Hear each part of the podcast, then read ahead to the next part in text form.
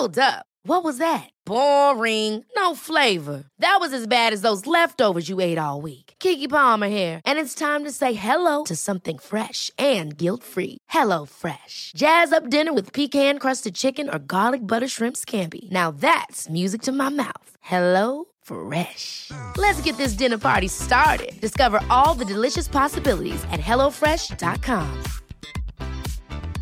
Hey, I'm Ryan Reynolds. Recently, I asked Mint Mobile's legal team if big wireless companies are allowed to raise prices due to inflation. They said yes. And then when I asked if raising prices technically violates those onerous two year contracts, they said, What the f are you talking about, you insane Hollywood ass?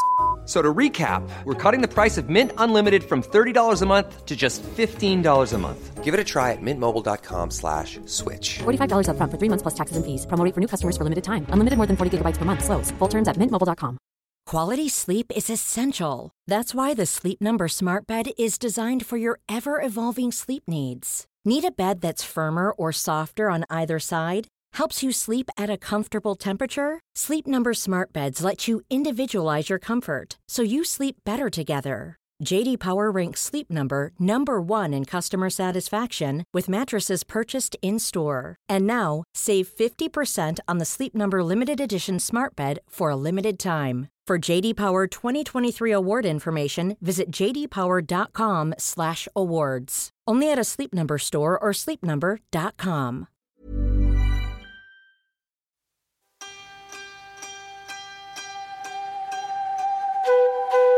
Hej och välkomna till säsongens allra första avsnitt av Psykologsnack. Så himla kul att vi är igång igen, Sandra. Ja. Och så kul att vi ses. Vi har ju inte setts på flera veckor, även fast vi kanske hade en ambition. Jag ville ju gärna få åka båt med dig. Just det. Ja. Ja. Men eh, veckorna, sommarveckorna har bara Ja. runnit iväg. ja, vi gick ju om varandra lite där också. Du var på Gotland först. Sen när du kom tillbaka då åkte jag till Gotland. Ja. Så vi har haft lite svårt att stråla samman. Ja, men nu ses vi. Nu ses vi. Ja, men så vi har egentligen inte sett sen, sen i juni. Nej. Nej, Ja. jag tror inte det. Nej, men hur har din sommar varit? Men eh, bra, Ja. eh, tycker jag. Som du sa, vi har varit på Gotland och det var superhärligt. Men jag hade en ganska arbetsintensiv period eh, innan semestern.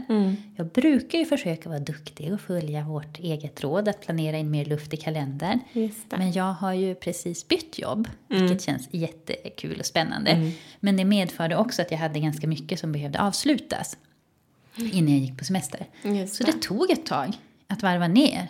Jag tycker att det nästan tog hela Gotlands vistelse. Ja. Även fast det var ju härligt och skönt att vara där. Mm. Men att när jag kom hem sen så var det eh, lite lugnare. Och sen var vi uppe i Värmland. Eh, för min eh, kille jobbar ju där Mm. eh, emellanåt. Eh, och det var också spännande. Och en upplevelse med alla så här raggare. Har du varit? Nu är det inte hela Värmland, men det vi var var det väldigt mycket så här raggare på Bara helgen. raggare där. Alltså, nej, jag har kört igenom Värmland. Ja. Men jag har inte så mycket upplevt Värmland. Men det var ju alltså fantastisk så här, natur och jättemånga fina ställen och restauranger och Mm. badplatser. Men då det här fenomenet raggare Ja. och på helgen, alltså det är fan det sjukaste, ja nu överdriver jag, jag varit med om, men i bil och ljudväg. Alltså herregud. Du vet, och så här ha högtalare monterade på taket på bilen, Wow. baslådor, det var så epatraktorer, baslådor på, vad säger man, flaket. Ja. Nej, men det var livat. Ja, så det Men var också liksom en- kvällsnöjet de hade. Ja, ungdomarna. sin- ja. Liksom. Men det var en eh, spännande upplevelse. Men jag tycker överlag att jag har haft en, en härlig och bra semester när jag väl kom ner i varv. Och nu är jag ju då tillbaka. På nya jobbet. På nya jobbet. Det känns jättekul. Ja. Sen en vecka tillbaka. Eh, Och tillbaka med podden. Mm. Hur har det varit för dig? Ja, jag hade också en speciell liksom, slut innan jag gick in i semestern. Jag satt och liksom, lite på så här beredskap och väntade på att projekt, ett projekt skulle dra igång. Men det gjorde inte riktigt det och sådär. Ehm, men sen har jag, ja, jag tycker att min semester har varit över förväntan ändå måste jag säga. Um, visst, det är vissa saker som inte har blivit som jag hade hoppats. Eh, Jag har ju en del av min släkt i Norge och vi har inte kunnat träffas så det var tråkigt. Men annars Gotland, Jättehärligt. Och jag är lite kär tror jag i Gotland. Ja, jag vet. Jag älskar ju Gotland. Ja, det var så fint där och där också fick uppleva lite liksom, härliga situationer och liksom, ute, ute på vischan där bland gårdarna och eh, liksom, grannarna som kom över på kvällarna på deras moppar för att spela lite kubb och grilla och sitta runt brasan och surra. Men, det var, men det var jättehärligt och sen har jag och min sambo varit ute mycket i skärgården. Vi har tagit över en båt. Så då är den du skulle få uppleva, men den ligger fortfarande i vattnet. Så det, Ja, det finns det är inte för möjlighet. sent. Nej. Så vi har hållit på mycket med det. Ja. Försöker lära oss hur man överlever till havs. Ja, men det har varit en, en, en bra sommar. Jag har också kommit igång nu. Jobbat en vecka. Ja. Ja, och det känns kul att komma igång med podden igen. Ja, det känns jättekul. Jag kom på en annan lite kul grej apropå, för jag lyssnade på Skäringer Mannheimer podden, deras senaste avsnitt. Och då pratade de om det här med apropå att man kan göra så här flera saker samtidigt, skynda sig, man ska vara så effektiv och att det kanske inte alltid blir så bra. Så idag, nu innan vi skulle åka hit, så hade ja, min kille igår så åt vi våfflor och blåbärssylt. Så han hade spilt blåbärssylt på ett par beigea eh, shorts. Och jag bara, men jag kan kolla om jag kan få bort fläcken. Jag ville se om det gick. Det stod att man bara hade kokande vatten och doppa ner den. Aha. Så jag bara, det ska jag kolla om det funkar. Ja. Så husmorstips. Men så lite snabbt nu när vi då ska ha en gäst idag i podden. Ja. Så vill jag också måla naglarna, bättra på det. Ja, så jag målar på nagellacket. Och eh, tänker så här, ah, det måste hinna torka också innan jag börjar med det här doppandet av blåbärssylten. Men så tänker jag, ah, det är nog torrt nu. Ah, jag är lite bråttom. Nej, jag doppar ner de där himla brallorna i kastrullen. Blåbärsfläcken försvinner, tar upp dem och vad ser jag? Nej, då är det en fläck med nagellack. Jag bara, oh oh, fram med lite nagellacksborttagning. Ja. Tog bort och sen bara, jag bara slängde in dem i tvättmaskinen och sa inget. Nej. Och hoppas att det inte blir en fläck från nagellacksborttagningen. Nej, just det. Nej, för det kan ju bleka lite kanske. Ja, så jag bara, oh, här får man vara snabb. Ja. Fick jag för att jag skulle vara så här, hjälpa till och ville kolla hur det där funkar. Jag hoppas inte din kille lyssnar på det här sen då. Nej. Då, men när det kom ut då är det hunnit passerat. den. Ja, det är bra. Ja. Ha. Ja. Vi har ju spelat in 26 avsnitt nu och i det här 27 avsnittet i ordningen har vi äran att ha med oss Maria Duva som är kriminolog, föreläsare och författare. Varmt välkommen Maria. Mm, tack. Vi är ju väldigt glada att ha dig här såklart. Och du har ju skrivit tre böcker. Mitt barn på nätet, Värsta bästa nätet och nu senast också Värsta bästa hälsan. Yes. Och idag hade vi tänkt att vi framförallt ska då prata utifrån böckerna Värsta bästa nätet och Mitt barn på nätet. Vad, vad, vart kommer ditt liksom, intresse och engagemang ifrån när det gäller liksom, det här med barn och ungdomar på nätet? Jag eh, jobbade i en verksamhet som heter Stödcentrum Unga brottsutsatta. Det, det var en verksamhet som drogs igång så säga, slutet av 90-talet, innan eh, millennieskiftet här. Eh, Karin Götblad var det som initierade. Just utifrån att man ser att målsägare som blir väl omhändertagna, lyssnade till, hörda, bekräftade, vårdade i sin utsatthet kan man säga. Samma sak med vittnen. De gör ett mycket bättre arbete eh, när det kommer till... Eh, alltså det är ju ett arbete faktiskt att vara brottsutsatt. Man ska driva sin sak, man ska eh, vara delaktig i polisens utredning, man ska vara delaktig i hela rättsprocessen. Eh, och därpå, därefter, så ska man ju helst såklart läka och kunna gå vidare. De eh, som blev väl omhändertagna och lyssnade till och bekräftade i sin utsatthet gjorde ett mycket bättre arbete. Och då var man anställd av socialtjänsten, pla- placerad hos polisen. Eh, och jag började med det arbetet 2003, tror jag. 2003, ja. Fyra kanske, 2004. Och då jobbade jag främst med medling vid brott. Eh, restorative justice, som det är återupprättande kan man säga. Nätet var ju en brottsplats redan där och då. Det var mycket brott som begicks och eh, jag var dålig på att prata med dem om det för jag använde det inte på samma sätt som Nej, jag gör idag. nej. Det kan ju inte ha varit så många som hade kunskap kring det Nej, inte då. vuxna. Nej, så tidigt. Nej. Då var det en mycket mindre klick som var också superanvändare kan man säga, som verkligen använde det mycket. Eh, och jag var inte en av dem. Så jag var rätt dålig på att lyssna på barn och bekräfta dem i deras utsatthet. Men det blev, eh, det växte i mig i takt med att jag själv också utvecklades så att jag själv fick barn. Eh, Men det växte också i takt med att jag såg att nätet var en allt större del av hela barnens liv. Eh, idag är det ju eh, dygnet runt och mycket skolarbete som sker på nätet och förväntas ske och förväntas använda. Och, så att det, ja, det blir bara en större del av livet. Hur, hur, eh, har du koll på hur mycket tid barn och unga spenderar på nätet idag?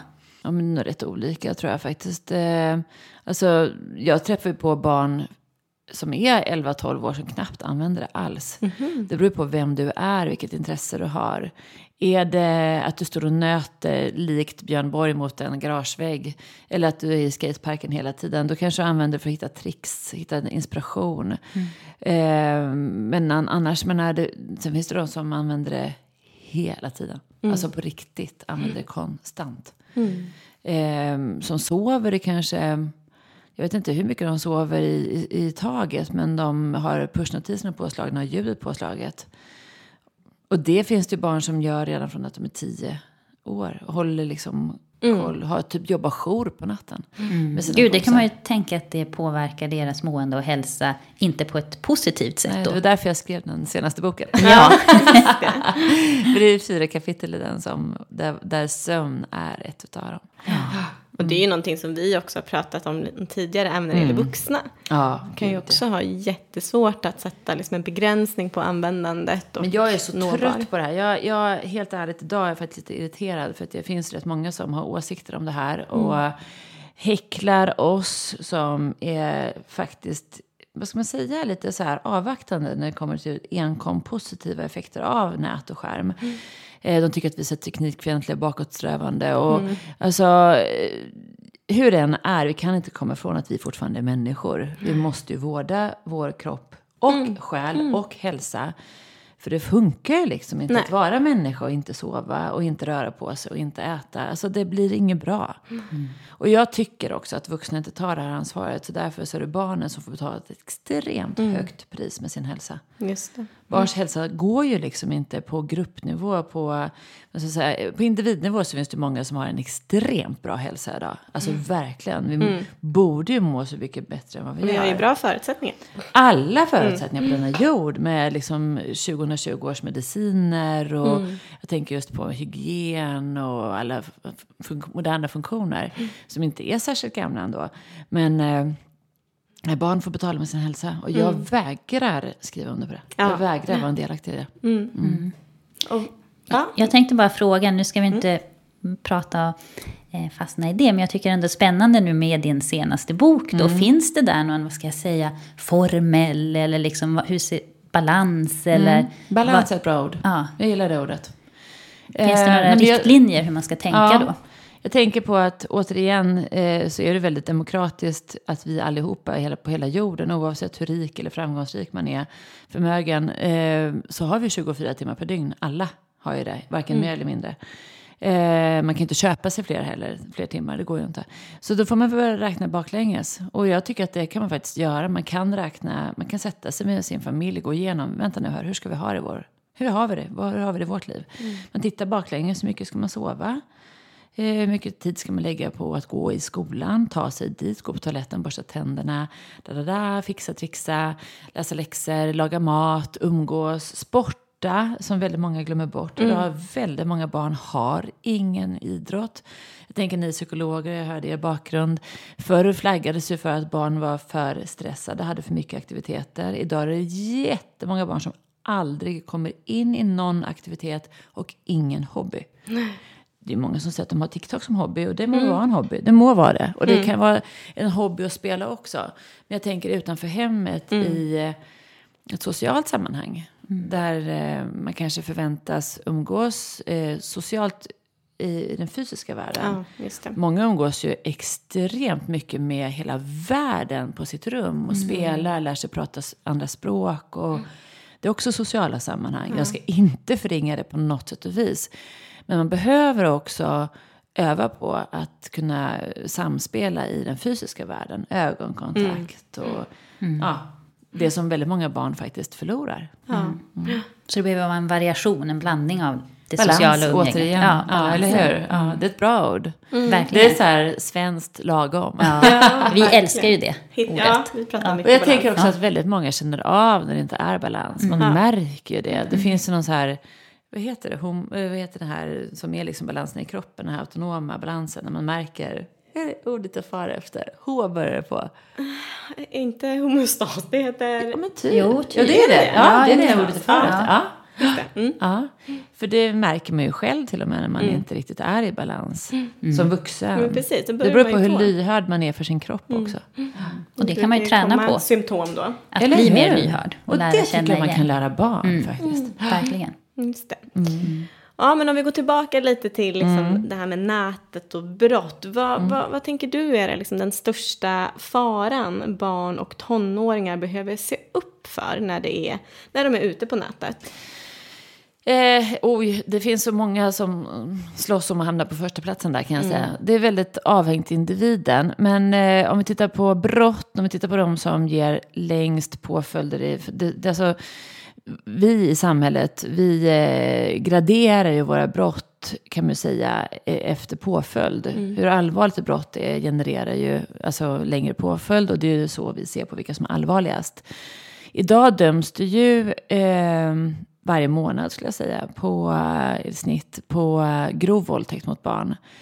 Och eh, det är ju alltså situationer på nätet då där de har kommit i kontakt med en främmande person som får barnet själv att utföra våldtäktsliknande situationer. Alltså antingen ta på sig själva, penetrera med föremål, eh, hämta husdjur som ska göra det på dem eller göra det på husdjur eller syskon. Grov kan man tycka att det är svårt att förstå ibland. För då tänker man att det måste vara så här grov situation. Och det kan det ju vara ifall det är en endast riktigt grov situation. Men grov kan också betyda att det har hänt över tid och att det är upprepat det. många gånger. Alltså, så då klumpar man ihop plus, plus, plus, plus, plus, man adderar det. Eh, det är så- såklart, skulle jag vilja säga, bland det, alltså titta rent juridiskt så är det det grövsta vi har.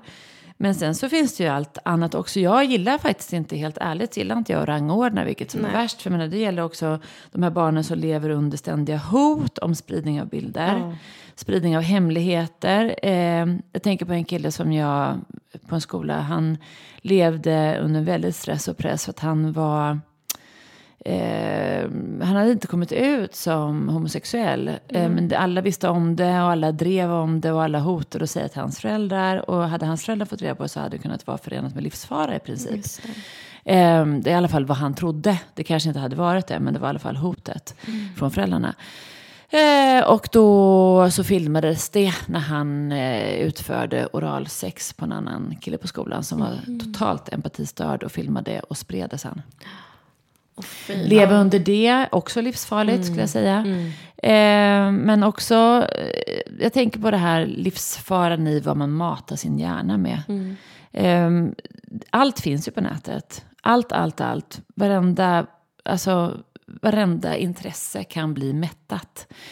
Och man vet inte vad man är nyfiken på heller. För du kan googla och så kommer det andra förslag. Och så hamnar du i att du har konsumerat eh, väldigt mycket övergreppsmaterial på barn. Alltså, du var kanske utsugen på att titta på hur man gör när man ligger, typ.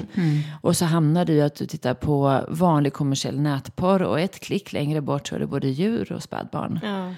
Och eh, det är livsfarligt skulle jag säga. Jag skulle säga det. Precis på samma sätt som killen som dömdes här nu till eh, rättspsykiatrisk vård på, eh, med särskild utskrivningsprövning. Han blev ju fascinerad redan, jag tror att det var typ sexan, sjuan, han började bli fascinerad av snaff. Det vill säga tortyr och verkliga avrättningar. Och konsumera det.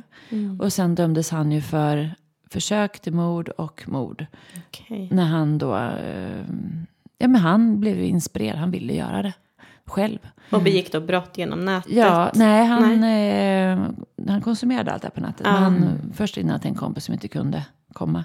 Och den andra kompisen kom och han, han blev ju då dödad av sin kompis. Just, Och den boken kommer snart och den heter Peter. Det är pappans. just det, nu vet Ja, jag vilket fall. Ja. Peter ja. Plaxet, han som blev eh, dödad av sin kompis. Mm. Just Jämnårig ung, kompis. ganska ja, ung kille. 16. Men då är det alltså att då har den här personen här matat sig själv så mycket med det här att det kanske också, Ja. Jag tänker att det föder ett intresset ökar och blir Såklart, ännu större och så såklart. tar man steget. Och det, där tänker jag verkligen att det är individ och sårbarhet. Mm. Det finns ingenting som säger att han inte hade gjort det ändå kanske. Eh, men jag tänker att som han- påföljden blev vad den blev. Men däremot så är det så att man kanske inte känner till sin sårbarhet innan. Nej. Så är det ju med många beroenden. Jag tänker också på det som du frågar som är farligast på nätet. Det är väl också det här med vad man fastnar i för någonting. Vad man fyller sin hjärna med. Fyller du din hjärna med fantastiska, framgångsrika, superslimmade, vältränade, svinförmögna, lyckliga, eh, magnet vad det gäller kompisar. Hur påverkar det dig? Eh, eller just beroende, tänker jag. Det här som är ett omtvistat begrepp. Eh, hasardspelsberoende och om pengar har det funnits hur länge som helst som en diagnos. Men eh, ICD-manualen, elfte utla, upp, uh, upplagan, eh, klassificerade ju dataspel Just som det. ett beroende. Så beroendeproblematik när man är, går i fyran, femman. Det hade man kanske inte riktigt på samma Nej. sätt för. Nej. Idag finns det många barn som har eh, också problem med skolfrånvaro för att de Mm. knappt kommer iväg till skolan. Ehm, Ja. det där, Farorna är många. Ja, men jag säger det, att det går inte Verkligen. riktigt. Och jag gillar inte heller att själv bidra till att försöka rangordna det farliga. Nej. För att, men brott är ju också jobbigt när man själv begår. När man Mm. begår massa brott. Eh, jobbigt att ta sig ur det. Mm. Jag, har jätte, jag jobbar ju länge med barn som fick en identitet genom att begå brott. Mm. Eh, det finns ju de som säljer, alltså många mellanstadiebarn, högstadiebarn som är djupt involverade i narkotikahandeln. Och nästan all narkotikahandel idag är ju kopplad till nätet. De lägger ut vad de har. Brunt och grönt och broccoli och chokladkakor. Och, alltså alla dessa emojis. Ja, visst. Eh, och det är ju nästan bara via sociala medier. Snapchat-grupper, stöldgods. Och det är ju, jag kan säga så här, idag är det lättare för barn att få tag på eh, narkotika än på alkohol. Så det är en väldigt mångfacetterad problematik. Ja, precis. Allt från att man kan kanske komma i kontakt med en förövare, men också att som jag förstår det som att men man kan bli Alltså man kan bli matad med så mycket så Ja. att har man en sårbarhet så Som du skulle- kanske inte känner till Nej innan. men precis, Nej. man inte känner till och så kl- klickar man sig vidare så ligger det, kan det hända att man då själv triggar kanske då igång någon typ av... Ja, och jag tänker också på det här med, som väldigt få pratar om, men som, jag kan ju flagga för att det är en, kommer en till värsta bästa om ett år.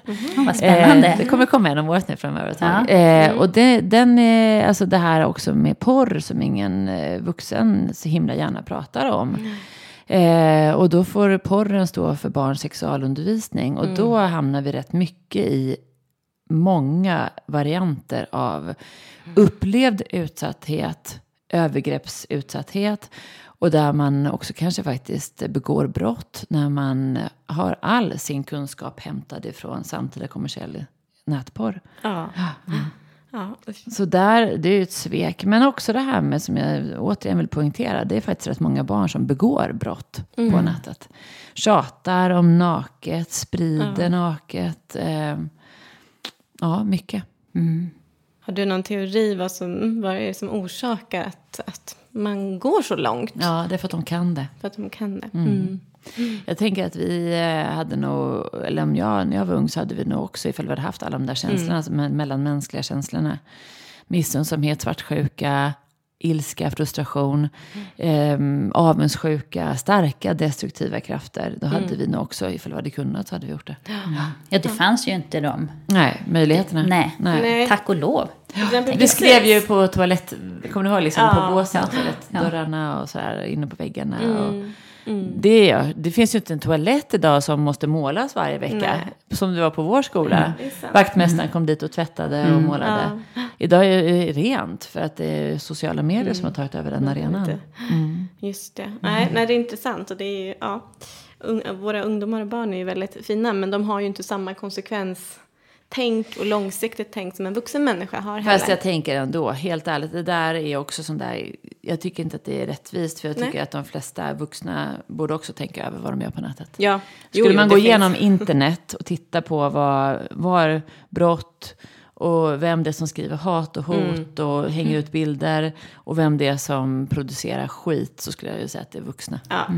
Absolut. Där berättade ju du Sandra om ett exempel där du var med om. Ja. eh, Där det var Men precis. Ja, Men jag, jag var, otrevlig stämning. ja, det var en väldigt otrevlig stämning och det här var ju också bland, bland människor som jag känner. Så det var inga okända människor. Nej. Men det var på nätet och jag såg liksom hur en, en av dem jag känner attackerar en annan. Eh, liksom, väldigt synligt.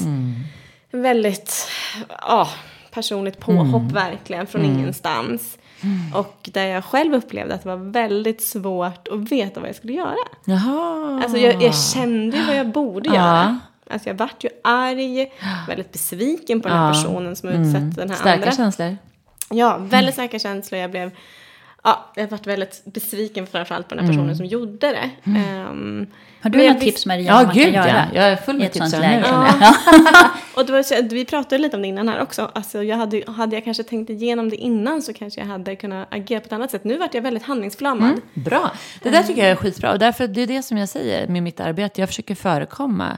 Jag skriver böcker till barn så att de ska kunna ehm, vara förberedda för ifall de hamnar i den situationen själv sen. För båda de här böckerna som heter Barn då, de här Värsta bästa nätet och Värsta bästa hälsan, är ju från typ 8-9 år. Och då ska man ju typ veta med ryggradsreflex vad man ska göra ifall man hamnar i en situation. Jag tänker på det som du har varit med om då. Ett, skriver man saker på nätet så förlorar du majoriteten av kommunikationen. För du hör, hör inte tonfallet, Nej. du ser inte mimiken, du ser inte kroppsspråket. Så det är din tolkning. Så. Det måste man alltid ha som mindset. Okej, det här tolkar jag. Och det kan vi börja med när man sen skriver. Ehm, Sen är det ju det att eh, man kanske inte ska skriva när man är i affekt. Nej. Det är väl ett tips. Du kanske skulle kunna gå tillbaka dit nu. För jag tycker också att låta saker passera, det är att vara tyst hålla med. Ja. Jag är ju för att man ska backa, för att man ska ingripa. Och då behöver du egentligen inte ta ställning i det här. Du får ju bara skriva det att så som jag läser det här så känns det inget härligt. Och då har du faktiskt markerat mot båda två. Dels sagt ifrån till den personen som skrev och dels markerat mot den som blev utsatt att du faktiskt håller ryggen på den personen. Ehm, och då kan man ju säga så här också, eh, frågan är ifall vi ska ha den här tonen i, vårt, i vår grupp, kan man säga. Eh, och så får man väl kanske bara upplysa om, för det är ju så att allting som skrivs på nätet finns ju kvar. Och sen så kan man väl säga det att det är extra viktigt när man ska uttrycka starka känslor att man kanske är säker på att det förmedlas på rätt sätt och att det tolkas.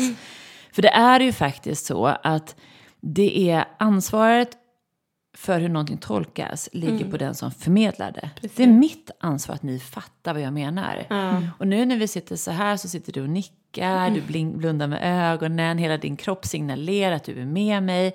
Det får man ju inte i, i skrivet på eh, snabba grupper också, för det går ju rätt snabbt. Och ibland också när man skriver så hinner andra skriva, så då hinner man liksom inte riktigt, då blir det som att det kommer Ja. i efterhand och det publiceras efteråt, för det kanske laggade på din eh, Precis. uppkoppling.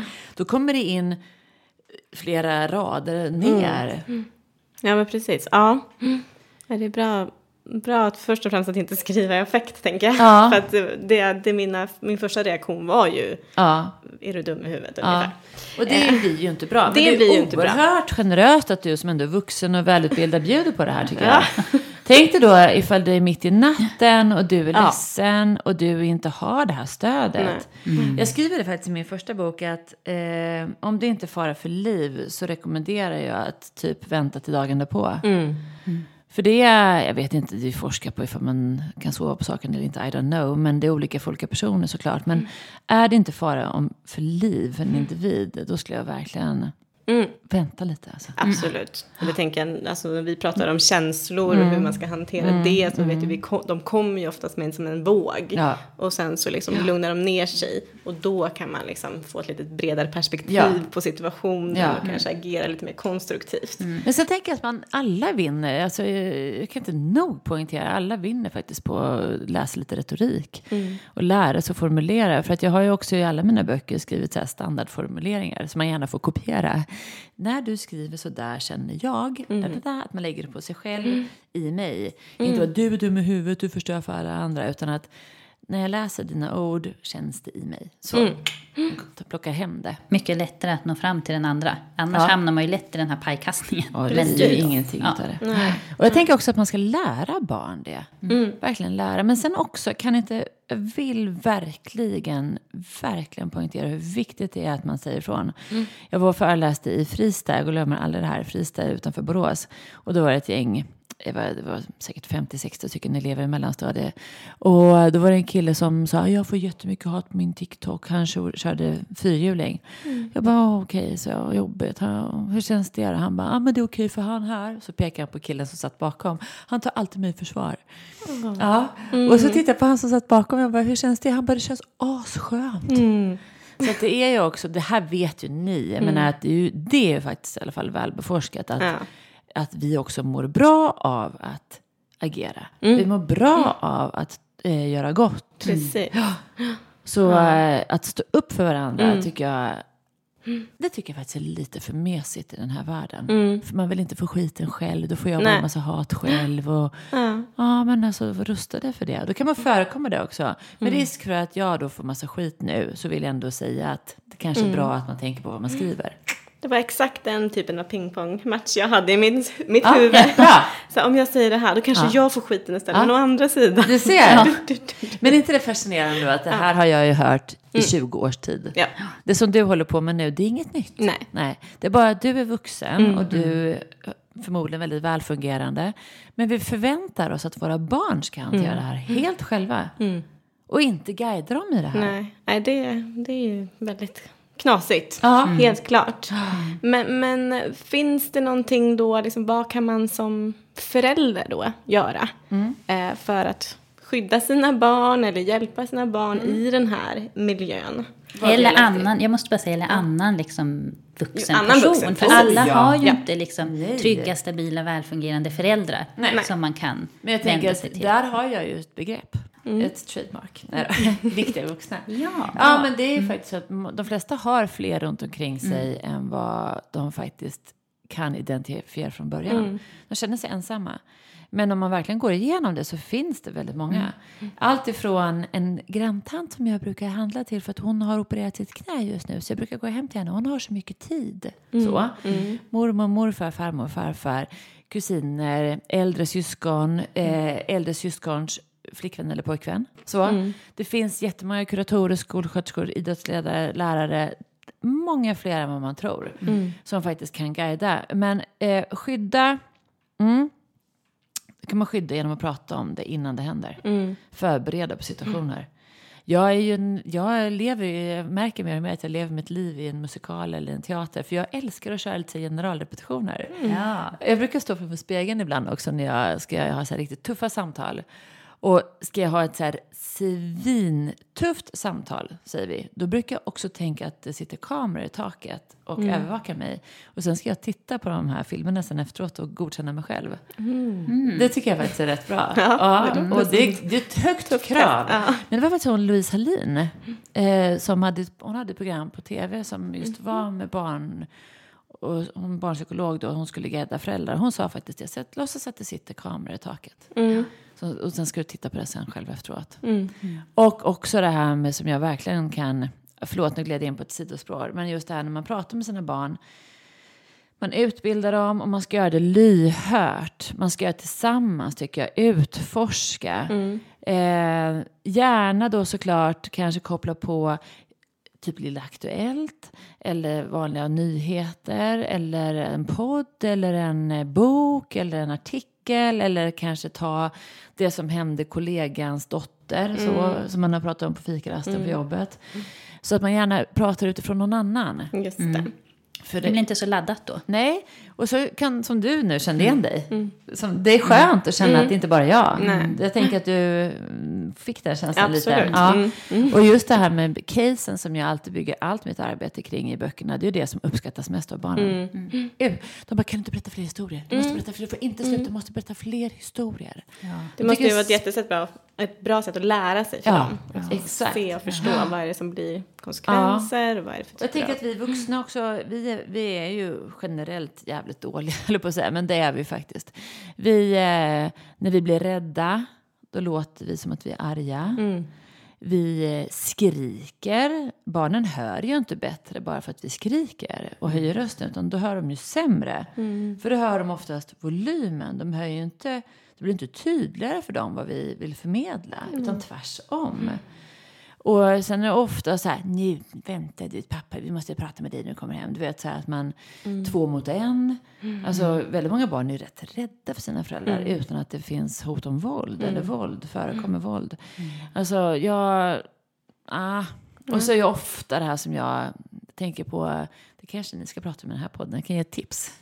Eh, Victim Response Based Theory, det är Alan Wade, en kanadensare, han föreläser mycket i Sverige. Just det här med att man när man som vuxen eh, får reda på någonting så är det första, men varför har du inte sagt någonting? Och då blir det återigen det här med skuld, Skuld, på. Ja, skuldbeläggande. Mm. Så eh, jag tänker just på det här med alltså lite samtalsmetodik. Ja. MI. Ja men verkligen. Ja, ta in lite olika former av information som du säger. Aktuellt, en podd, exempel från andra. Lyssna tillsammans. Mm. Jag tänker också att det var faktiskt en mamma som skrev till mig idag och hon frågade min dotter är 13. Jag skulle så gärna vilja att hon följde konton som var bra för henne som pratar som du, att det är andra barn som pratar som du. Och jag tänkte att det där är inte så himla lätt heller för det är ju viss kunskap och eh, i den åldern kanske man inte förmedlar uttrycket på rätt sätt. Men just det här att man faktiskt ändå vågar prata om det. Nu hörde jag på radion, de sa det på tv, så. Och lyssna på sommarprat och... Det måste jag verkligen re- rekommendera Sofie Sarenbrant i somras. där nu. Ja, och jag hennes det. tystnad är ju väldigt intressant. Varför hon inte faktiskt kände att hon där och då kunde berätta. Just det. Mm. Ja, det var eh, ett, Ett starkt, starkt, sommarprat. Mycket verkligen. bra. Mm. Mycket bra avvägt. Och musiken var ju så väl matchad. Så man bara... Mm. Och så ett manus till musiken. Mycket bra. Vi tänkte på en sak också, Mm. som jag tänkte på när vi läste dina böcker också. Och det som du var inne på nu, att det lätt blir att man eh, kanske som vuxen då hamnar mer i det här med eh, att det blir bestraffning även Oh, fast ja. man inte tänker på det när man, att, att man blir rädd och säger men du får inte nu får du ta bort TikTok eller Ja. du får inte, nu får du inte ha Instagram om du ska ha den här öppna profilen Mm. och så vidare. Vad kan vi som vuxna då göra för att förstärka Mm. när barnen faktiskt berättar någonting? Oh, det finns ju så många. Men där tänker jag verkligen är ju grund... Alltså MI, jag kommer ihåg när jag gick MI. Det, det är verkligen så här bekräfta bara. Alltså, gud vad bra att du berättar. Och jag känner mig utvald som får ditt förtroende. Man behöver inte gå vidare liksom på vad de har berättat, själva innehållet, utan bara förstärka. Tänk vad, vad det är ovanligt, vad jag förstår så är det ovanligt att barn alls berättar det här. Det är fascinerande. Och hur mycket, jag brukar också säga så här, innan man går in i själva ämnet, vad det är som de har pratat om, utan verkligen bara, hur känns det dig nu när du har berättat? Alltså, Om vi säger så här, att eh, hela din hemlighet är en meter. Hur mycket är det kvar som du ska berätta? Och liksom att man får det här framför sig. Okej, nu vet jag så här mycket. Du vet att det finns så här mycket kvar som vi måste få ut på något sätt och vis. Eh, och det, barn gillar ju också att bli bekräftade i att de var modiga och vågade berätta och att de har gjort rätt. Och, och då brukar jag också säga så här, istället för att säga så här, Gud, varför har du inte berättat tidigare för? Du vet så. Då brukar jag säga så här, det finns nästan inga barn som berättar. För jag, min sista slide när jag föreläser är ju då sex olika case som har gått till fällande dom. Allt ifrån eh, tio års fängelse fick den ena. Eh, sex och ett halvt års fängelse. Många så, de har ju fått rätt rejäla påföljder. Eh, och då brukar jag visa upp summan barn i varje dom som de blev fällda för. Alltså summan utsatta barn, målsägande barn. Eh, och sen så är det typ bara en i varje Och vad är det som är unikt med ett eller två barn i varje case, eller noll till och med i ett. Det är att det var de här barnen som vågar berätta. Och du brukar säga vet du, att det, det händer nästan aldrig att barn berättar. Hur kommer det sig att du vågar berätta för mig? Och då kan de säga, ah, för du verkar ha tid. Du verkar vara intresserad. Du, det var någon som sa, för att du luktar så gott. Så liksom. ja, men alltså, man vet ju aldrig varför. Och det, jag tänker just att man måste också signalera att man är en sån här vuxen som både vill och kan hjälpa. Alltså med mig kan du prata om allt. Jag står pall. Vet du, jag klarar det här samtalet. Man signalerar det. Och det vet barn att inte alla vuxna gör. De har försökt att prata. Och då får de leta vidare. Bara för att man liksom inte tyckte att en frisör går bra, så, eller klippte bra så slutar man inte klippa sig. Eller bara för att en tandläkare inte var bra så slutar man inte gå till tandläkaren. Man får hitta någon annan då. Mm. Fortsätta liksom. Men att man normaliserar tystnaden tycker jag är rätt bra. Att det är det vanligaste. Men det är någonting som är med dig som gör att du vågar berätta. Gud vad bra. Tänk vad många barn du har räddat nu. För nu kanske polisen kan jobba med det här. Och, Ja, det blir ju verkligen eh, förstärkande. Oh ja! Ja. Och det brukar faktiskt vara, ska jag säga helt ärligt, att de flesta barn lite äldre, de brukar faktiskt inte vara så rädda om sig själva. Men de brukar vilja säga att jag anmäler för att han, han ska inte utsätta fler barn. Nej. Och det är nästan, det gör så ont i mig för de skiter nästan i sig själva. Ja, Men de vill skydda andra barn. just det. Fin drivkraft ändå. Ja, verkligen. En annan sak, vilket ansvar har skolan tänker jag som är en stor del i många barns liv? För det är ju där eh, barn och ungdomar tillbringar en stor del av sin vardag. För jag har en, en vän som berättade att ja, men på hennes barns lågstadieskola i klassen ja, men så jobbar de med paddor och så hade de surfat in och kommit in på så här, kommer inte ihåg om det var porrsidor eller våldssidor. Och så kom det här upp och diskuterades och så har man inga filter i skolan. Eh, Ha, är, är, borde inte det vara ett krav att skolor ska ha så här filter mot sånt? Ja. Eller hur funkar det? Det där är ju svårt, måste jag säga. Det finns ju de som de menar på som är väldigt starka röster i, och som har nästlat sig in typ på så här skolverksnivå. Eh, som menar på att barn ska ha filter i huvudet. Vi ska lära barn att använda internet. Vi ska eh, inte filtrera bort för att bli censur. Och vad ska man filtrera bort? Alltså så är det ju. Eh, och vilket skydd, vilket filter funkar. För det är också en väldigt dyr lösning för väldigt många. Eh, jag kan väl känna att jag tycker att skolan har ett enormt ansvar. Alltså enormt. I synnerhet förskolan, för där har ju inte barnet med sig sina egna telefoner och egna paddor och egna, egna nätverk. Då tycker jag att man borde klara av att vara lika noggrann med som vilka böcker man köper in eller vilken mat man köper in eller vilka färger man målar med. Är det giftfärger eller är det liksom giftmattor eller har vi trä och Alltså, jag tycker att man har ett enormt ansvar, det är bara att man inte tar det. Det är också väldigt smidigt idag. Många barn går undan och sätter sig i kuddrum som jag inte trodde fanns, men det finns det tydligen har jag hört. Eh, och sätter sig med en padda och tittar på TikTok.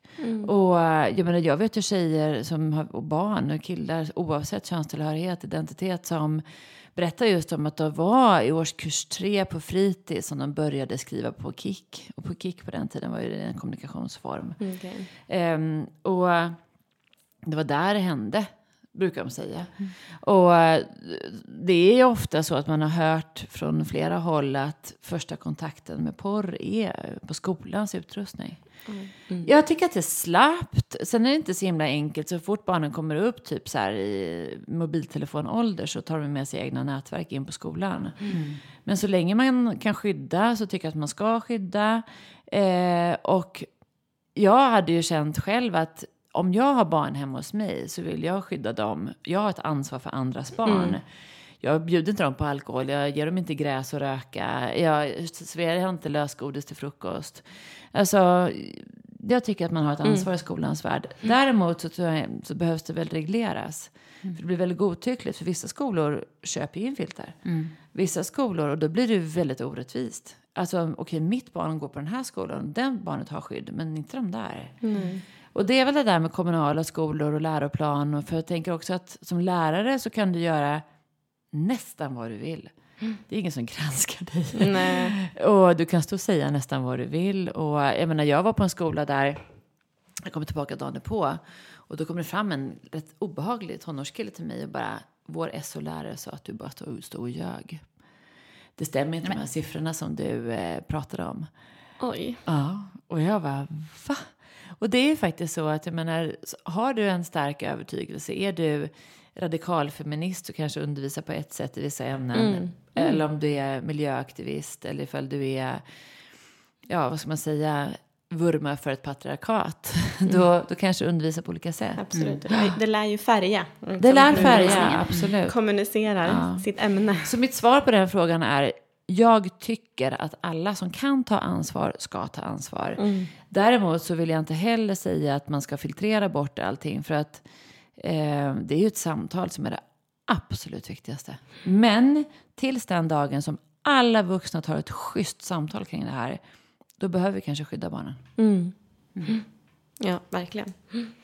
Jag tänker många kan ju ha liksom upplevt att de känner att oj det här känns inte bra, nu blir jag utsatt för hat eller mobbning eller något sånt. Men man kanske har svårt att känna vart går gränsen för att här är det faktiskt, här, här, det här har gått över gränsen. Att det här blir ett brott. Ja, det här är ett brott, det här kan jag anmäla. Ehm, va, vad skulle du säga till dem som står där och väger? Vad Ja. är det här? Vart går gränsen? Du, bra fråga det här. Ja. det här är ju en klassiker. Jag har googlat, jag var inte utsatt för brott det en tjej som sa till mig. Han dömdes ut i fängelse sen, han som hade gjort det. Men eh, så här, man anmäler inte ett brott. Du behöver inte anmäla ett brott. Du behöver inte veta vilken brottsrubricering det är. Utan du anmäler en händelse. Och sen kan du faktiskt få tillbaka din anmälan från polisen där det står ej brott. Då var det inget brott. Men säg så här, eh, att jag eh, säger till dig att jag ska döda dig. Ja, det känns ju hotfullt. Ja, Ja. och jävligt stelt här i ditt köksbord, eller hur? Ja, fast nu har vi vittne på plats Ja. saker. Ja. Eh, det är din upplevelse som avgör ifall du är utsatt för brott eller inte. Just det. Ja. Det ligger hos dig. Ja.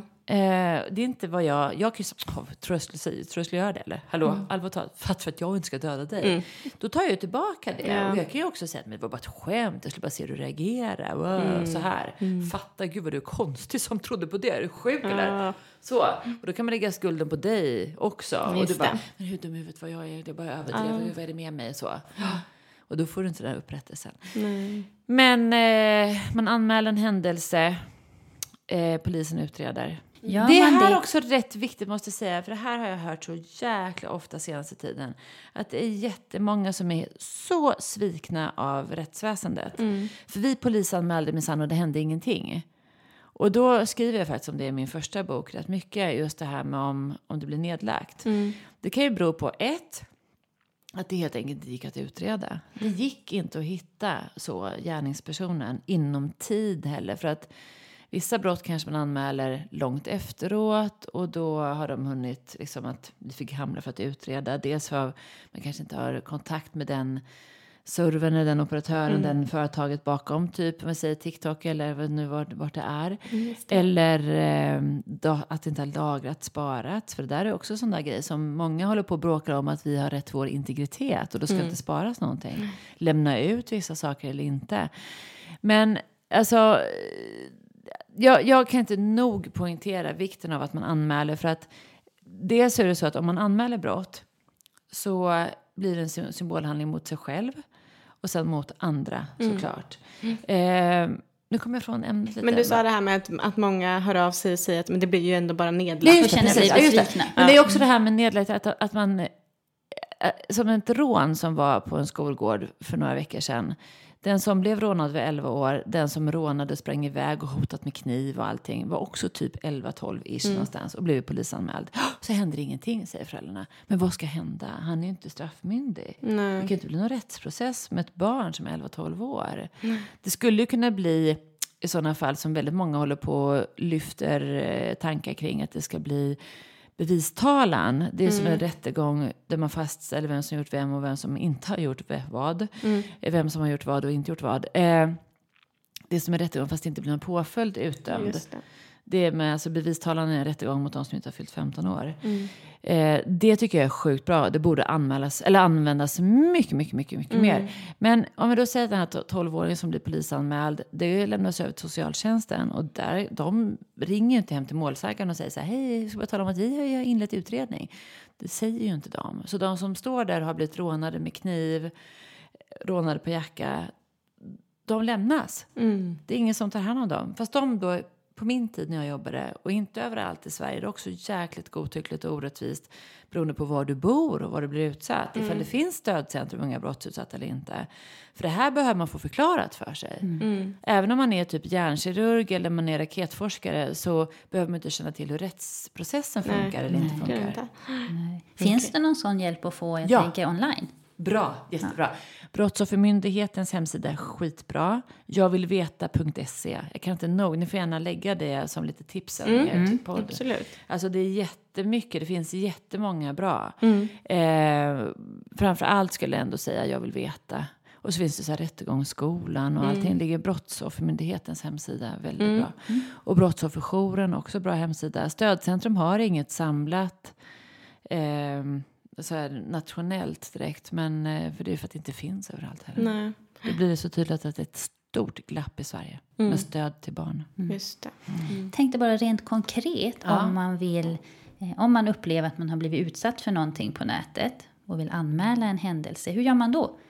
Ringer Ja. man polisen eller ringer man 112 Du eller kan gå vem in på vänder man sig? polisen.se, men de tar inte emot anmälningar på nätet om våld och sexualbrott. Då måste du ringa. Mm. Eh, är det pågående brott, att någon har hotat att de ska komma hem till dig och kutta din mamma eller så här, sno din kanin och döda din lillebror, Mm. då kan du ringa 112. Men annars så är det faktiskt så att du eh, ringer 114 14 Mm. eller går till en polisstation. Eh, det bästa du kan göra det är ju att alltid säkra upp bevisning. Att du har bevis som stärker det du anmäler. Ska man då spara på bevis på nätet eh, och speciellt på sociala medier eller i en chattfunktion, typ DM på Instagram och typ Snapchat, skärmdumpa inte skulle jag säga. Sitt med en annan telefon och filma av och fota av. För börjar du skärmdumpa i en Snapchat-grupp då ser ju alla du har skärmdumpat. Och det var faktiskt en mamma som skrev till mig, hon bara, jag är helt knäckt, jag förstörde hela min sons situation för att jag gick in och tog hans telefon. Det var någonting som skrevs jäkligt i de här grupperna. Och så började hon skärmdumpa. Och alla andra bara, varför screenar du för? Vad håller du på med? Vad screenar du för? Ska du googla? Ska du tjalla? Så. så hon... Han, han var ju retad redan där och då för att han skulle berätta för sina föräldrar. Och så när han väl hade gjort det, då förstörde föräldrarna precis allting för honom. Åh, men eh, ja, samla så mycket bevis som du bara kan. Det är ju rätt knepigt för du får massa nakenbilder skickade till dig. Eh, om du också får råka få på barn. För då har du innehav av eh, det som juridiskt sett kallas för barnpornografi. Och det är ju rätt stelt att ha det i sin telefon. Och polisen på deras hemsida skriver att du får inte hålla på och bara skicka in random bilder till oss. Utan det är då, sen du har fått, du har gjort en anmälan och ska liksom stärka upp det. Men det där är jätteknepigt och verkligen vara snabb på att anmäla skulle jag säga. Eh, sen kan man alltid anmäla till appen, till spelet, eh, olämpligt innehåll eller så. Du kan anmäla, anmäla användaren också, själva kontot. Eh, jag tycker verkligen polisanmäla och då ska det egentligen vara så att polisen är, är en ung målsägare så ska det lämnas över till en stödverksamhet. Jag vet inte ifall jag alltid gör det, så kan man väl säga. Om jag ska vara diplomatisk. Men ni kanske fattar att jag inte... Jag vet att det inte är så. eh, det finns jättemånga stödfunktioner på nätet. Jättemånga som... Tyvärr måste jag ändå säga att majoriteten av de här stödverksamheterna vänder sig rätt mycket till unga tjejer. Okej. Unga killar får inte samma stöd. Nej. Jag skulle också vilja rekommendera då såklart den här eh, dokumentärserien som heter Gamer på Sveriges Radio. Ehm, just hur ensamma killar är. Killars utsatthet, vi pratar mycket mer om tjejers utsatthet än om killar och därför så är det så att Många killar som blir utsatta tänker att jag är inte utsatt för brott. För killar kan inte bli utsatta för det här. Än idag när jag föreläser, jag brukar prata om just hur när en tjej blir våldtagen och alla bara sitter och nickar. Och när en kille blir våldtagen och de bara Va? Kan en kille bli våldtagen? Det hör jag varenda vecka runt om i hela Sverige. Just det. Högstadiet, bara, killar kan inte bli våldtagna. Man bara, eh, jo. Är det så att man tror att man inte kan bli våldtagen som kille, hur ska jag kunna bli motiverad att anmäla? Det går ju inte. Nej. Och det måste ju vara ännu svårare då att kanske vända sig till en vuxen och prata om det här då. Om man tänker att nej men, Och än De idag kommer tas- inte att tro mig. nej men precis. Nej, och det än idag inte- tas det emot väldigt olika. Jag, alltså jag älskar ju polisen. Men det finns ju riktiga klåpare som har tagit emot anmälningar på väldigt knepiga sätt också. Så att bara för att man är polis är man ju inte perfekt. Men det har, går hand i hand med utbildning och det är fortfarande rätt många eh, som är väldigt djupt okunniga kring dels nätet, dels genusfrågor, dels alltså ung utsatthet generellt. För det är många som bara påminner om hela tiden, du vet när jag var liten så här. Alltså, mm, men jag förstår med all rätt. Alla som är poliser och kanske gör sina sista år, de har levt många år i livet utan internet. Det har jag ju också gjort. Ja. Det är ju väldigt komplex brottsplats, eller vad man ska säga, med Fast det nätet. är inte så svårt. Är det inte jag det? Tycker inte det. Nej, jag tycker bara det här när du beskrev att man kan inte mm, screensavea. Och så, det är sådana saker som jag tror att... Det skulle jag aldrig tänka på. Nej, jag skulle nog inte heller tänkt på det. Även om fast jag vet om det så hade jag kanske inte... Jag, jag, det, Ah. det är verkligen ett lifehack också som ni gärna får skriva i, eh, i, er- på Insta där. Mm. Att, alltså, ska ett barn visa, sitt redo med din telefon och Mm. ha den gärna påslagen på film. Att man filmar av det. Så att man inte, för du hinner kanske inte alltid heller ta bild. Då är borta. Det kan visa sin split second. Precis. Många när det bara är en snap eller något sånt där. Ja. Ja. Ja.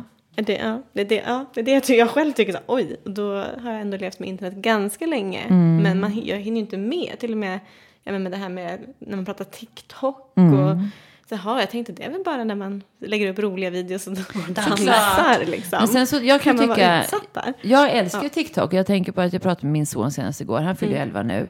Vad har du i ditt flöde? Ja, ah, det är mest trollkarlar sen är det lite fotbollstricks och så är det mycket djur och så Fortnite. Det är typ hans flöde.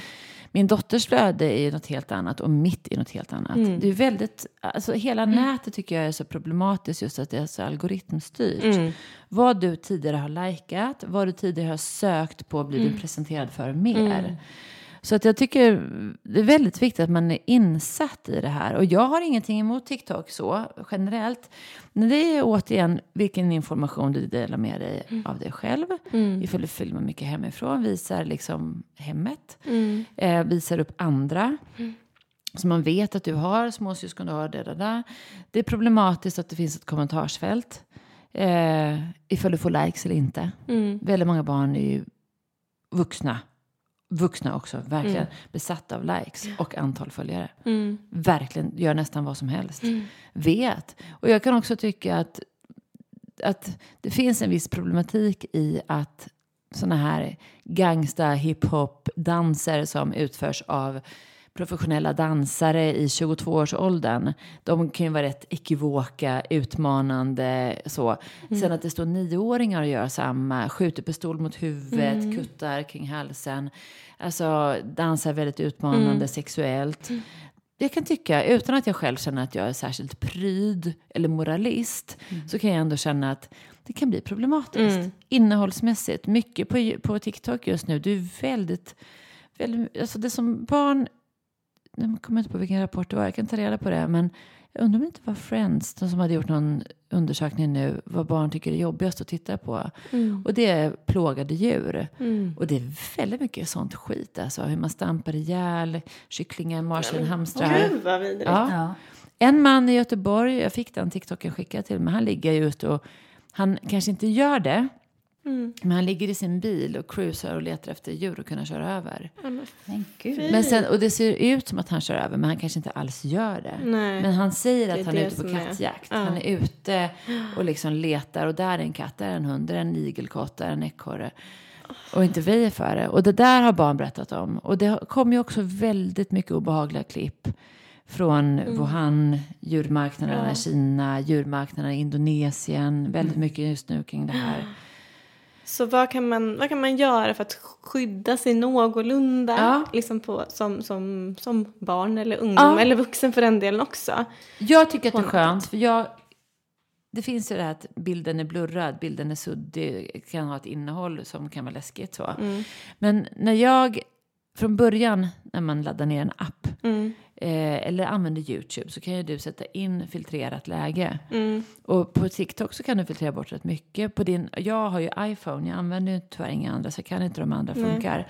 Men i iPhone, grundinställningarna i Mm. själva telefonen så kan ju du välja vad som ska visas och inte visas. Okej. Så om, om man verkligen sätter sig in i tekniken, men där igen är det så himla orättvist. Ifall man kan språket, ifall man Ja. behärskar tekniken. Jag skulle ladda ner WhatsApp till min son för att han har WhatsApp i fotbollen. Jag använder inte WhatsApp för jag har hört hur det kan inte funka så bra jag också. Eh, men då, då kände jag direkt så bara, ännu en arena där jag ska kunna nå, mitt barn ska kunna bli nådd. För mig var det i princip omöjligt att bli nådd av en främmande person. För det var en enormt stor risk som vi barn tog när man ringde hem till någon annan och en ilsken pappa svarade mitt i maten och bara la på luren. Eller när man skulle gå och knacka på någons dörr och bara hej hej så stod en ilsken stora syster där bara "Ah, jag står mitt i duschen, hallå. Du vet så här. Så att det var inte så lätt att nå barn förr. Idag är det ju, barn rör sig ju fortfarande i samhället och den har ju inte ändrats egentligen förutom att fler föräldrar skjutsar sina barn överallt så att de inte får gå och inte röra sig. Ehm, men jag tänker på att många barn har ju alltså spel med chatt. De har Snap, Insta, TikTok, WhatsApp, Viber. De har ju liksom tio kanaler, Messenger. De kanske har, alltså en genomsnittlig årskurs 5-elev har kanske tio åtkomstsätt för hela världen. Alla. Ja, ja, det är svindlande. Visst är det? Och att det har gått så fort. Och det behöver inte vara dåligt. För att ibland kan man, när man lyssnar på mig så kan det låta som att det är bara en tidsfråga innan alla barn blir utsatta. Eller alla begår brott. Så är det ju verkligen inte. Nej. Alltså, det är, majoriteten av barn klarar sig ju utan att bli brottsutsatta. Fast samtidigt kan jag inte nog poängtera att varenda gång ett barn blir utsatt för brott så tycker jag att det är en gång för mycket. Absolut. Ja, ja det, och det är så, jag tycker det känns så, så sorgligt också att hela tiden behöva tänka just bara, hur ska man skydda sig? Hur ska man så här, som barn tänka smart för att inte bli utsatt på nätet? Bara det känns just Fast som det, en det, tuff. det är rätt bra formulering. Tänka smart. Och tror jag, att tänker det- att det krävs för att det är Ja, en det- del i livet Ja. då kommer vara en del i alla det barns som liv som det inte var för oss. Ja, nej men precis. Att Och man det, måste det, men vi är ju inte uppfödda med nej, nej. Men jag tänker att eh, vi förväntar oss att barn ska klara av rätt många andra situationer. Ta sig till skolan, vara på badstranden, kunna hålla på med sin idrott vad den är. De åker slalom nerför branta backar, de är rätt små. Alltså knappt kan gå och stå, så åker de ändå skidor. Men vi är där och lotsar och finns med och övervakar och liksom står vid sidan om och sådär. Så det, det är väl det man ska göra, Det är tänker det jag. vi behöver göra. Utan att man blir... Alltså, jag blir galen på att folk alltså, tycker att det är integritetskränkande Mm. att eh, vårdnadshavare är närvarande i deras barns digitala liv. Och de tycker, ja är Duva, hon uppmanar till att man ska läsa barnens dagböcker typ. Medan jag säger att du ska nog hålla koll på Swish-överföringar. Håll koll på pengarna fram och tillbaka. Jag menar, det står i Dagens Nyheter idag att man ska titta på Swish-överföringar just för att se hur pengar kommer och går när det kommer till narkotika. Eh, Det är inte så mycket kontanter, fast i den kriminella världen är det mycket kontanter. Det är bara pensionärer och kriminella som har kontanter, brukar jag säga. Men alltså, tänk på, jag vet inte hur många gånger om dagen du blir eh, tjatad på att skicka naket. Det kanske inte händer varje dag. händer det dig varje dag? Nej, Nej. Aldrig. Alltså, nej. Nej, men då tänker jag att då kan jag addera. Det är den eh, 23 nu, säger vi. Det är ju det snart. Det börjar bli lite tomt på kontot. Och jag säger till dig att du kan få 5 000 ifall du skickar swishar. Jag kan swisha först. 5 000 om du filmar dig själv naken. Visa ansikte och underliv. Det är vad många barn får hantera från det att de är 12 år. Herregud. 5 000 in på kontot. Och så är du sugen på en väska som alla andra har. En dyr Eller ett, par märkesväska. gla- Eller ett par glasögon. Det var så, har, har ni hört den här systrar, Göteborgs-Postens grä- grävande Nej. Åh, så bra. Det började faktiskt med att hon retades för att hon hade fejkglasögon. Och hon bestämde sig för att jag ska aldrig mer ha fejk. Nej. Det var så hela utsattheten började. Mm. Mm. Men alltså, det är svårt att stå emot de där pengarna. Ja. Ja, men precis. Mm. Om man vill också leva upp till en viss standard eller inte Jo, bli men- mobbad. Eller, Eller också bara vill ha samma liv som sina influencers har. ja, Och 500 för en tuttbild eller rumpbild. Det är två skins på Fortnite. precis. Två. Mm. Magbild. Precis, och det är där jag har förstått att det sen kan verkligen eskalera Exakt. till hot och, och, Oh ja, och, och hot om vilket gör att spridning. det Du kan- sitter där, där, precis. Typ när du drar iväg första bilden kan du hamna i fällan. Och det är jättemånga, jag tänker på att det gjordes någon studie för, en norsk studie för några år sedan på 20-åringar. Där de intervjuade just om naket och nude. Att det fyller en funktion först, att man blir bekräftad. Man får höra att man är fin och man är fin och man är fin och allt det här. Och härlig och snygg och allt det här. Men sen efter några år så ångrar man rätt mycket. Att man faktiskt gjorde det där. Ja. Dels så att de kan användas emot en i utpressningssyfte. Men att man också, ja, men att just spridningen av bilder. Och när en bild sprids eller läggs upp på nätet, då Då finns den väl där för alltid. Då har man ingen kontroll över Ja. bilden. Och du, återigen, vem har skärmdumpat? Och var hamnar den bilden sen? Ja. Mm. Ja. Men jag tänker, du eh, har ju beskrivit här att du initialt, som jag fattar det, brinner för det här förebyggande arbetet. Och en del i det är ju att prata med barnen, utbilda eh, vuxna personer. Folkbildning. Folkbildning. Men en annan aspekt är ju då, tänker jag, hur kan man förebygga liksom innan brott uppstår eller innan personer blir förövare? Eh, kan man jobba innan de har gjort brotten? Hur når man dem och vad är vägen där? Det brukar ju... Alltså det där är rätt knepigt. För där, som kriminolog så blir det så här stämplingsteori. Liksom, att man inte ska stigmatisera någon som kriminell. Eh, men samtidigt så är det så att de flesta som jobbar på förskolan kan säga att ah, det visste man ju direkt. Det där ungen, det såg man på, redan på förskolan. Han skulle minsann sitta på kåken när han var 17. Det visste jag. Det var jag helt säker på. Det är också jobbigt att höra tycker jag. Varför man då... Alltså att ingripa vid rätt tillfälle. Jag jobbar ju själv i fängelse och det är många som hävdar det där. Det vet jag inte om det var liksom en sätt de bara la skulden på någon annan. Men varför, varför jag önskar att jag hade blivit polisanmäld första gången jag åkte fast. Jag tänker på det som Socialstyrelsen skriver på sin hemsida. Att man ska eh, reagera, alltså, nu kan jag inte hela formuleringen utan till, men det är att man snabbt sätter in en insats vid normbrytande beteende. Eh, normbrytande beteende är olika för olika personer såklart. Alltså, återigen, jag säger det här till dig här när jag sa att jag skulle döda dig. Du bara, oh shit vad läskigt. Fast ändå vi är hemma hos dig.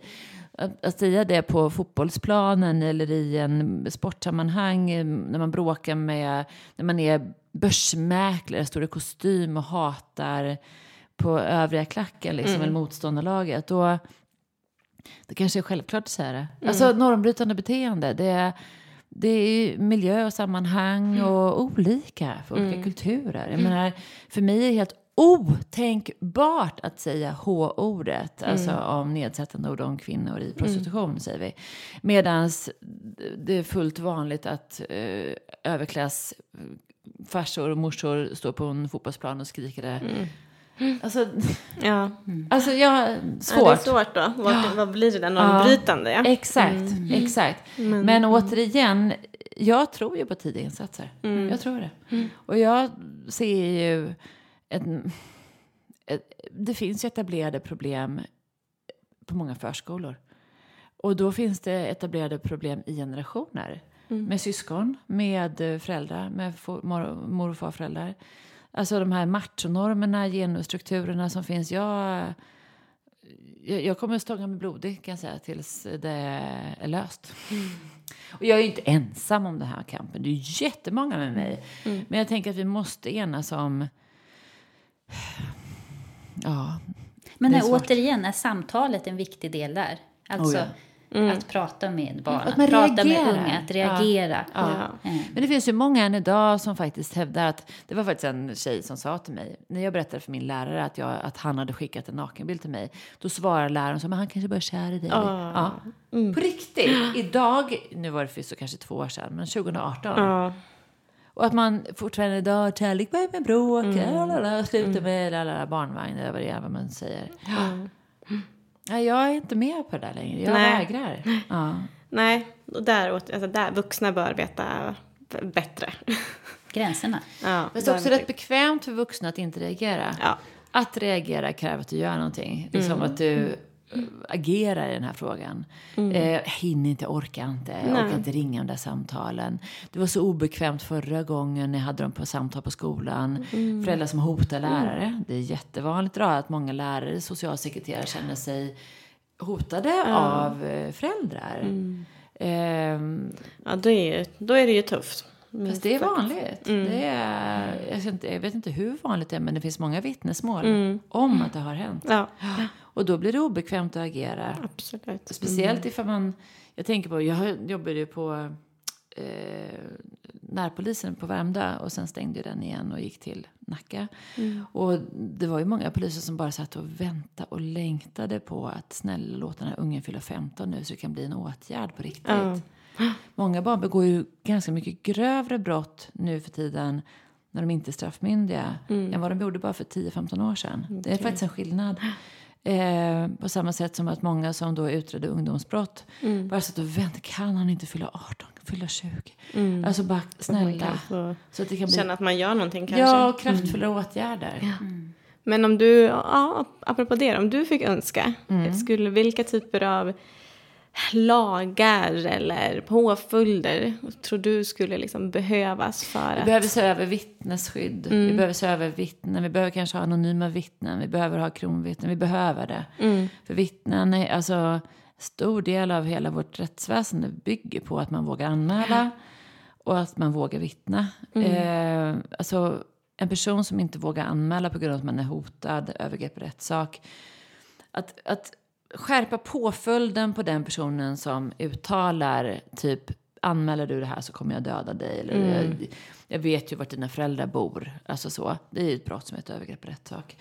Alltså, de flesta av de där de är rätt läskiga. Och eh, det finns ju många situationer nu, det här Sundbyberg där de blev dödade, de som hade vittnat. Men det, oj, det var min fot bara.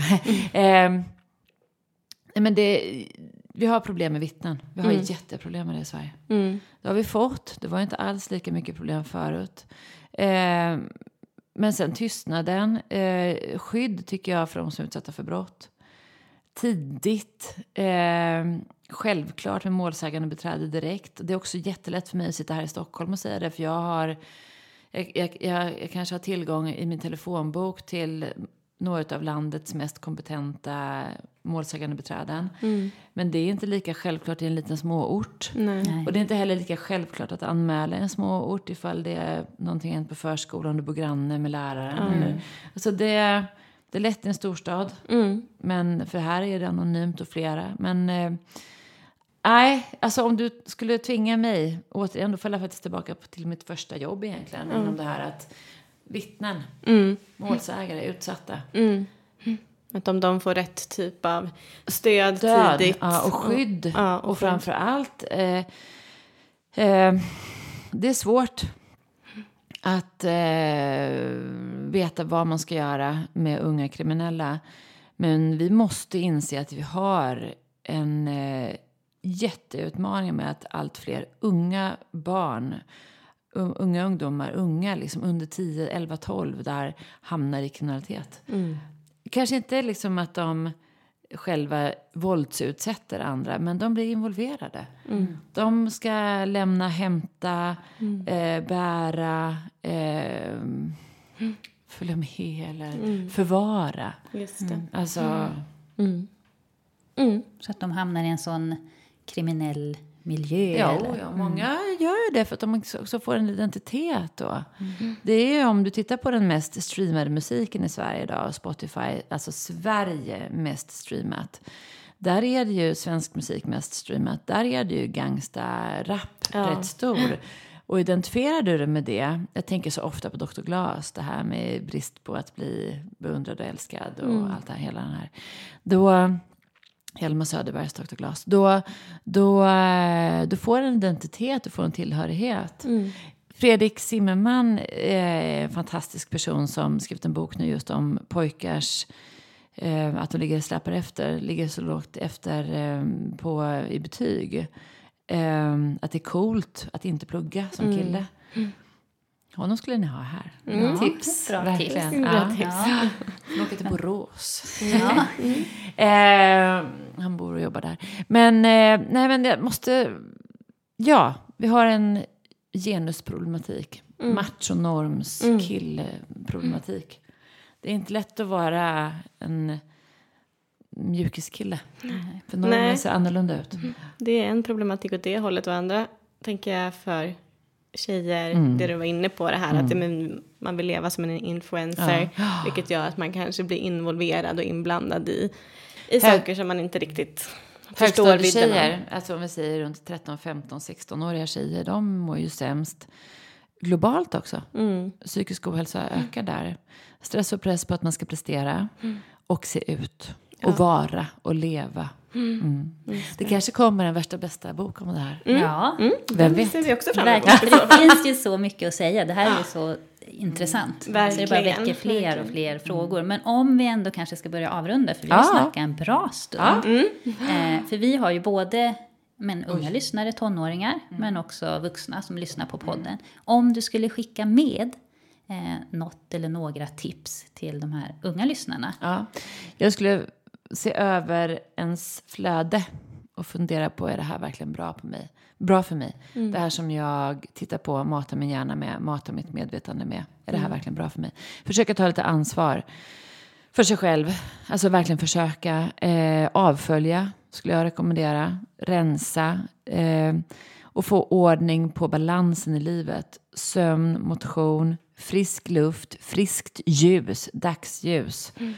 Eh, kost, energidrycker. Alltså, helt ärligt, för allt du gör mot dig själv, det påverkar du hur, hur du mår och vad du, hur du mår påverkar vad du gör. Så det blir så här ond spiral när det börjar gå neråt. Sen kan jag inte nog poängtera vikten av att faktiskt våga ta hjälp. Mm. tycker det värsta som finns är att vuxna fortfarande eh, rackar ner på psykologer som hjärnskrynkliga. De har mest problem själva, de där jävla psykologerna. Eh. Alltså, jag hör det. Ni kanske inte tror det, men det Jo, är. jo. Ja, Tyvärr. ja. Och jag, eh, jag är ju för att söka hjälp. Jag brukar säga det till alla som jag möter. Bara, men du, om du får ont i tand och du får så här, jättetandvärk, lagar du den själv då? Eller ifall du får blindtarm, vi känner att det är blindtarmen som är på G, alltså verkligen så här, tar du fram en kökskniv liksom och plockar ut den själv? Eller hur gör du? De tycker man är helt idiotisk liksom. Jag bara, men alltså, vem är det som tror att du ska kunna laga din själ och ditt mående själv? Sök hjälp. Ja. Ta hjälp. Och det går att få en nätbaserat jättefin hjälp och stödkontakt. Det finns jättemånga som verkligen pysslar med det här dygnet runt. Ja, och som är duktiga på det och vet hur man ska hantera det. Det är ju något som vi också brinner för. Mm. Och en del varför vi startade den här podden. Bra, Avdramatisera jättebra. lite det här och att sprida kunskapen. Ja. Psykologi och att det finns hjälp. Mm. Det är mina bäst investerade pengar när jag gick i terapi. Eh, Jag har ju fortsatt med det såklart, men när jag väl gjorde det. Och jag kan tycka att det är skitjobbigt att vänta så länge. Fast det var väl där och då jag skulle ha gjort det. Mm. Precis. Ja, jag brukar alltid säga när jag träffar olika personer att man kan se det som att man behöver kanske göra det under lite olika perioder Jag i vet, livet. precis. Att så här, ja, man kanske behöver fem besök någon gång. Och ibland behöver man tio, ibland är det tre. Men att det är, det är inget konstigt. Nej, det gud, är en nej. helt normal del av livet. Det finns inte en framgångsrik idrottsstjärna som inte har en coach eller en personlig assistent. Nej. Det är bara ett annat namn för det. Jag tänker också så här, återigen att inte skuldbelägga sig för att så här, Åh, jag borde ha gjort det tidigare. Utan att då Nej, förstärka, men nu är du här Nu och är det jag är bra. Och tänk, så att du hade kunnat skippa det hela livet. Nu är du här. Det även förstärka där. Ja. Så det är jättebra. Okej, men om man vill veta mer om, om dig och det du gör, vart kan man vända sig då om våra lyssnare vill veta mer? Jag har ju en otroligt levande Instagram. Jag postar faktiskt rätt mycket. Eh, det jag, jag är väldigt frekvent. Eh, Insta heter ju Maria Duva. Eh, och sen så har jag en hemsida och så skriver jag böcker. Men jag, ja, Insta mest. Jättebra. Så stort, stort tack för att du ville komma hit idag. Så himla eh, spännande och lärorikt för oss. Ja, verkligen. Kul att vara här. Ja. Jättebra. Tack för att du kom. Mm, tack. som alltid vill vi ju också säga ett stort tack till eh, vår ljudtekniker och ljudproducent Jenny Segerheim som ser till att vi får ett bra ljud och musik i podden. Och själva musiken är ju skriven och producerad av Ulf Solulf Svedlund. Så stort tack även till er. Och vi kan ju också passa på att säga om det är några nytillkomna lyssnare att vi finns på Instagram och där heter vi då såklart psykologsnack. Så följ oss gärna där också. Och vi vill ju också slå ett slag för Mental Health Run som går av stapeln den eh, 19 september. Eh, Alltså på lördagen. Och nytt för år är ju då att man faktiskt kan vara med både virtuellt, så man kan anmäla sig och vara med virtuellt, eller så kan man också vara med på plats. Mm. Det här är ju någonting som, som du och jag ska vara med i, Åsa, eller hur? Jajamän, och man kan eh, springa, eh, lunka, gå, rulla. Det här är ett lopp som passar alla. Mm. Ehm, och eh, loppet eh, har man ju skapat i syfte att synliggöra den fysiska aktivitetens betydelse för vår psykiska hälsa. Och eh, överskottet eh, under det här året går till Hjärnfondens psykiatri, psykiatriska forskning. Just det. Så det går ju till ett gott ändamål. Ja, så anmäl er och var med. Ja. Mm. Tack och hej. Tack och hej.